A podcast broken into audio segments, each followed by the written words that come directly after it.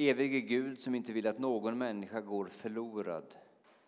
Vägled våra hjärtan och tankar med din Ande så att vi lever efter din vilja med din rättvisa dom för ögonen och sedan förvara oss dig för evigt. Genom din Son Jesus Kristus, vår Herre. Amen. Hör Herrens ord. Vi lyssnar till söndagens gammaltestamentliga läsning från Jesaja kapitel 65, verserna 17 till 19. Så säger Herren. Nu skapar jag en ny himmel och en ny jord. Det som varit ska man inte mer minnas, inte längre tänka på. Nej, gläd er och jubla för evigt över det som jag skapar. Jag skapar om Jerusalem till jubel och dess folk till glädje. Jag ska jubla över Jerusalem och glädjas över mitt folk. Där ska inte mer höras gråt klagan. Så lyder Herrens ord. Gud, vi tackar dig. Vi har dagens epistelläsning från Andra Petrusbrevet 3, vers 8 13. En sak får ni inte glömma, mina kära. För Herren är en dag som tusen år och tusen år som en dag.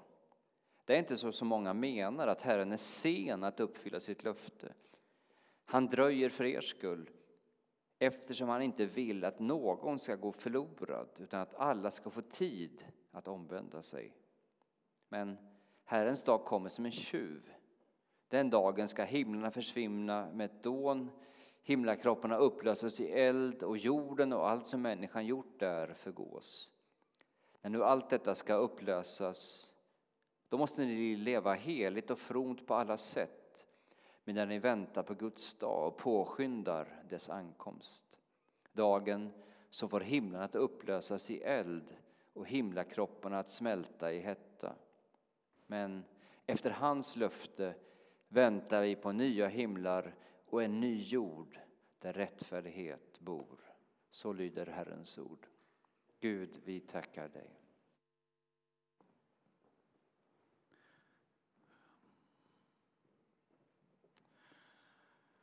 Upplyft så era hjärtan till Gud och hör dagens heliga evangelium. Så skriver evangelisten Matteus i Herrens namn.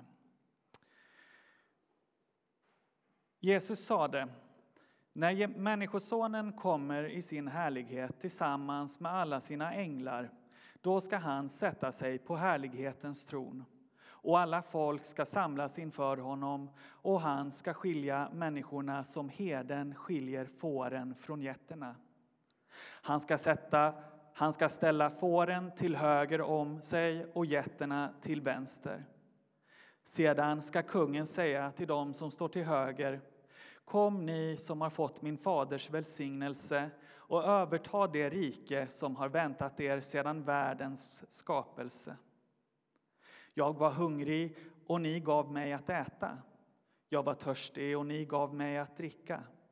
Jag var hemlös och ni tog hand om mig. Jag var naken och ni gav mig kläder. Jag var sjuk och ni såg till mig. Jag satt i fängelse och ni besökte mig. Då kommer de rättfärdiga att fråga Herre, när såg vi dig hungrig och gav dig mat eller törstig och gav dig att dricka? När såg vi dig hemlös och tog hand om dig eller naken och gav dig kläder? Och när såg vi dig sjuk eller i fängelse och besökte dig? Kungen ska svara dem, sannerligen, vad ni har gjort för någon av dessa minsta som är mina bröder, det har ni gjort för mig. Sedan skall han säga till dem som står till vänster, gå bort från mig, ni förbannade, till den eviga eld som väntar djävulen och hans änglar. Jag var hungrig och ni gav mig inget att äta. Jag var törstig och ni gav mig inget att dricka. Jag var hemlös och ni tog inte hand om mig. Jag var naken och ni gav mig inga kläder. Sjuk och i fängelse och ni besökte mig inte. Då kommer också de att fråga Herre, när skulle vi ha sett dig hungrig eller törstig eller hemlös eller naken eller sjuk eller i fängelse och lämnat dig utan hjälp? Då skall han svara dem Sannerligen, Vad ni inte har gjort för någon av dessa minsta, det har ni inte heller gjort för mig. Dessa skall gå bort till evigt straff, men de rättfärdiga till evigt liv. Så lyder det heliga evangeliet. Lovad vare du, Kristus.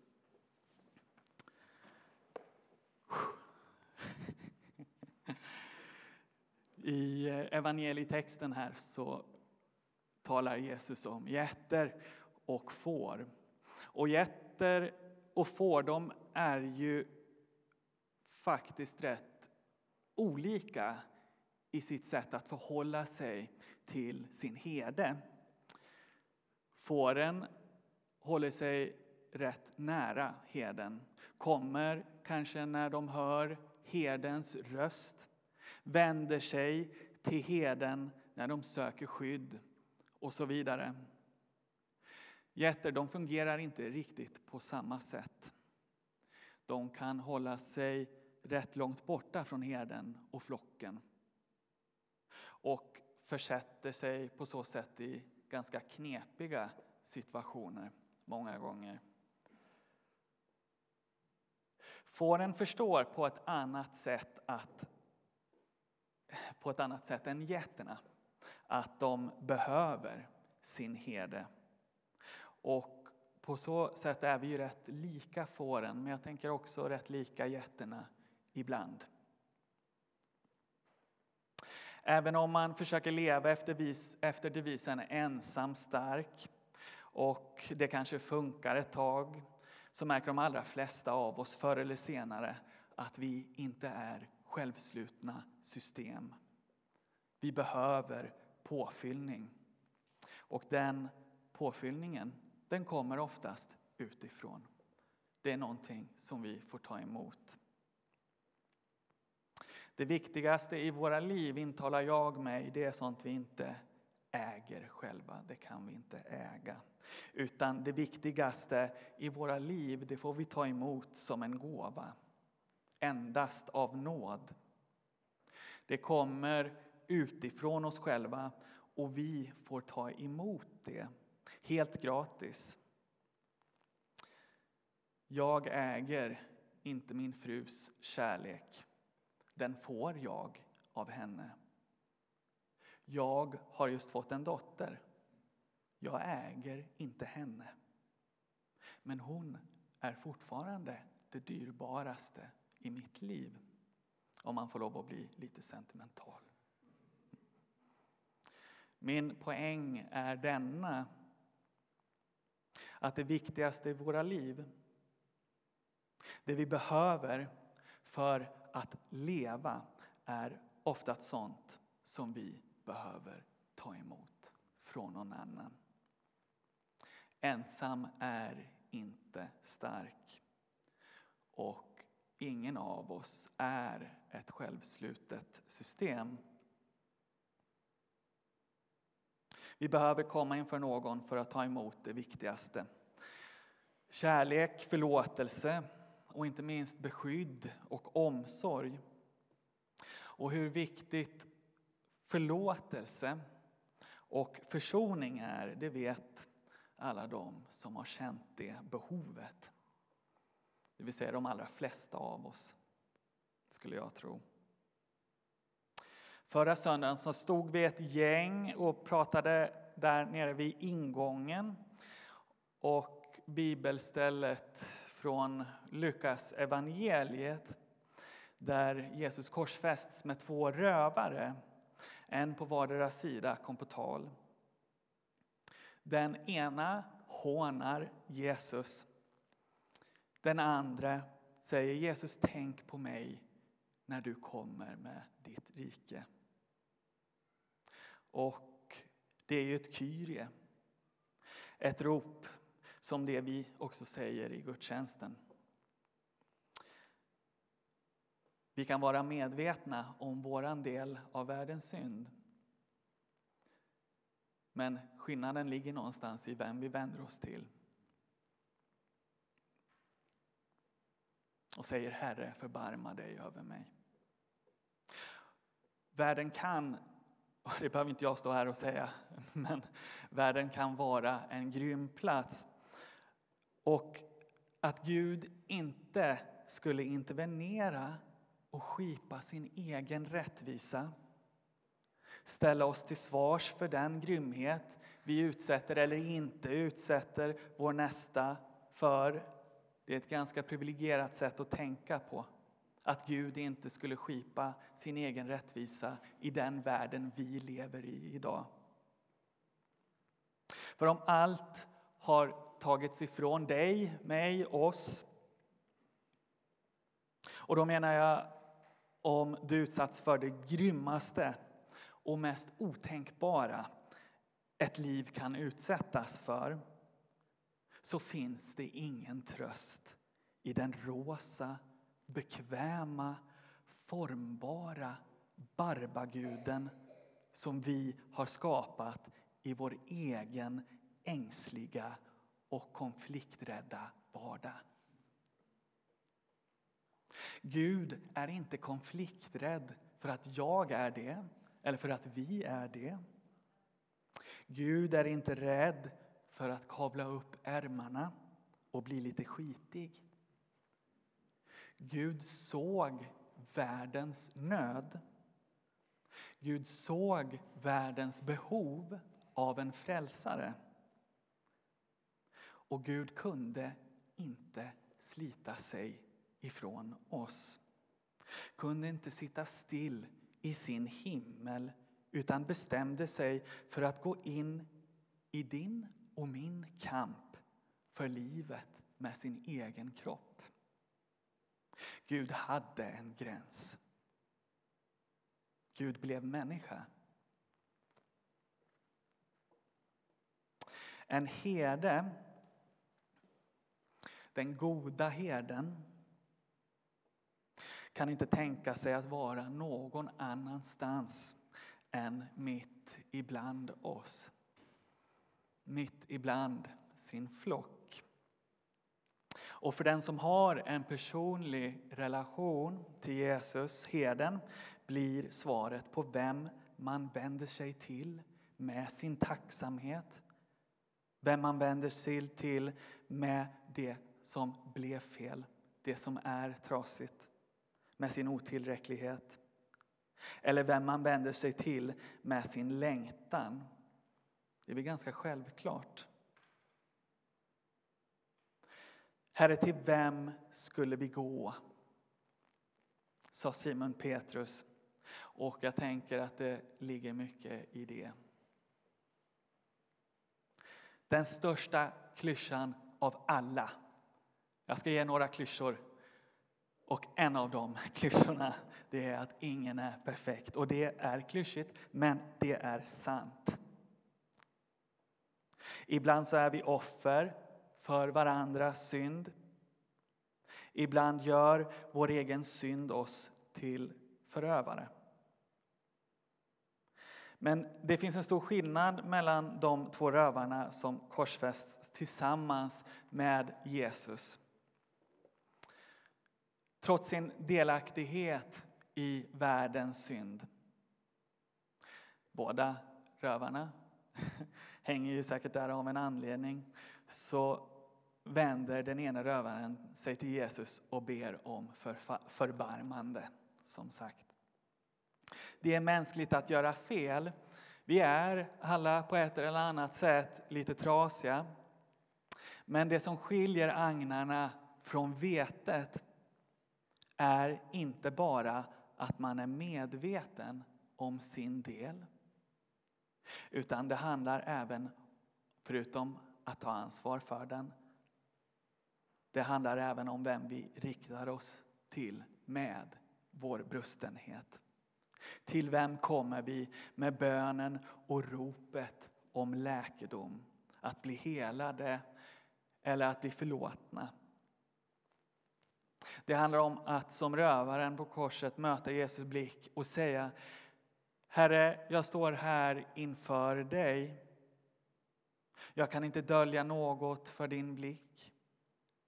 I mitt liv finns både agnar och vete. Ofta har jag inte lyssnat till din röst i mitt hjärta, inte kommit när du kallat mig. Jag ber Herre att du tar agnarna och ogräset från min själ, mitt hjärta, för jag kan inte rensa själv. För mig är det omöjligt, men för dig, min Herre och min Gud, är allting möjligt. Förbarma dig över mig. Vi är inte självslutna system. Det viktigaste i våra liv får vi ta emot som en gåva. Kärlek, förlåtelse och försoning. Och jag vill inte dra en dom över mig och prata egentligen ens om den yttersta tiden då brudgummen gummen kommer tillbaka och fulländar sin gärning som om jag, som om jag visste hur det skulle gå till. För så fåfäng är jag inte. Bara en sån sak som att prata om det på svenska tycker jag ibland är lite too close for comfort, kan jag känna. Däremot så vågar jag påstå att vi alla nog kommer bli rätt förvånade. Och det här andra klyschan. Ingenting blir riktigt som vi har tänkt oss. Så är det. Den som hela sitt liv gått och krampaktigt intalat sig att det handlar om sin egen insats. Det handlar om min insats. Sin egen fromhet, sin egen trofasthet. Att Gud, jag har minsann satt dig i första rummet hela mitt liv och aldrig svikit dig, Gud. Jag tror att den människan kommer bli väldigt förvånad när han inser att det faktiskt handlade om Guds insats, vad Gud hade gjort. Att Gud är trofast och håller sitt löfte gentemot oss.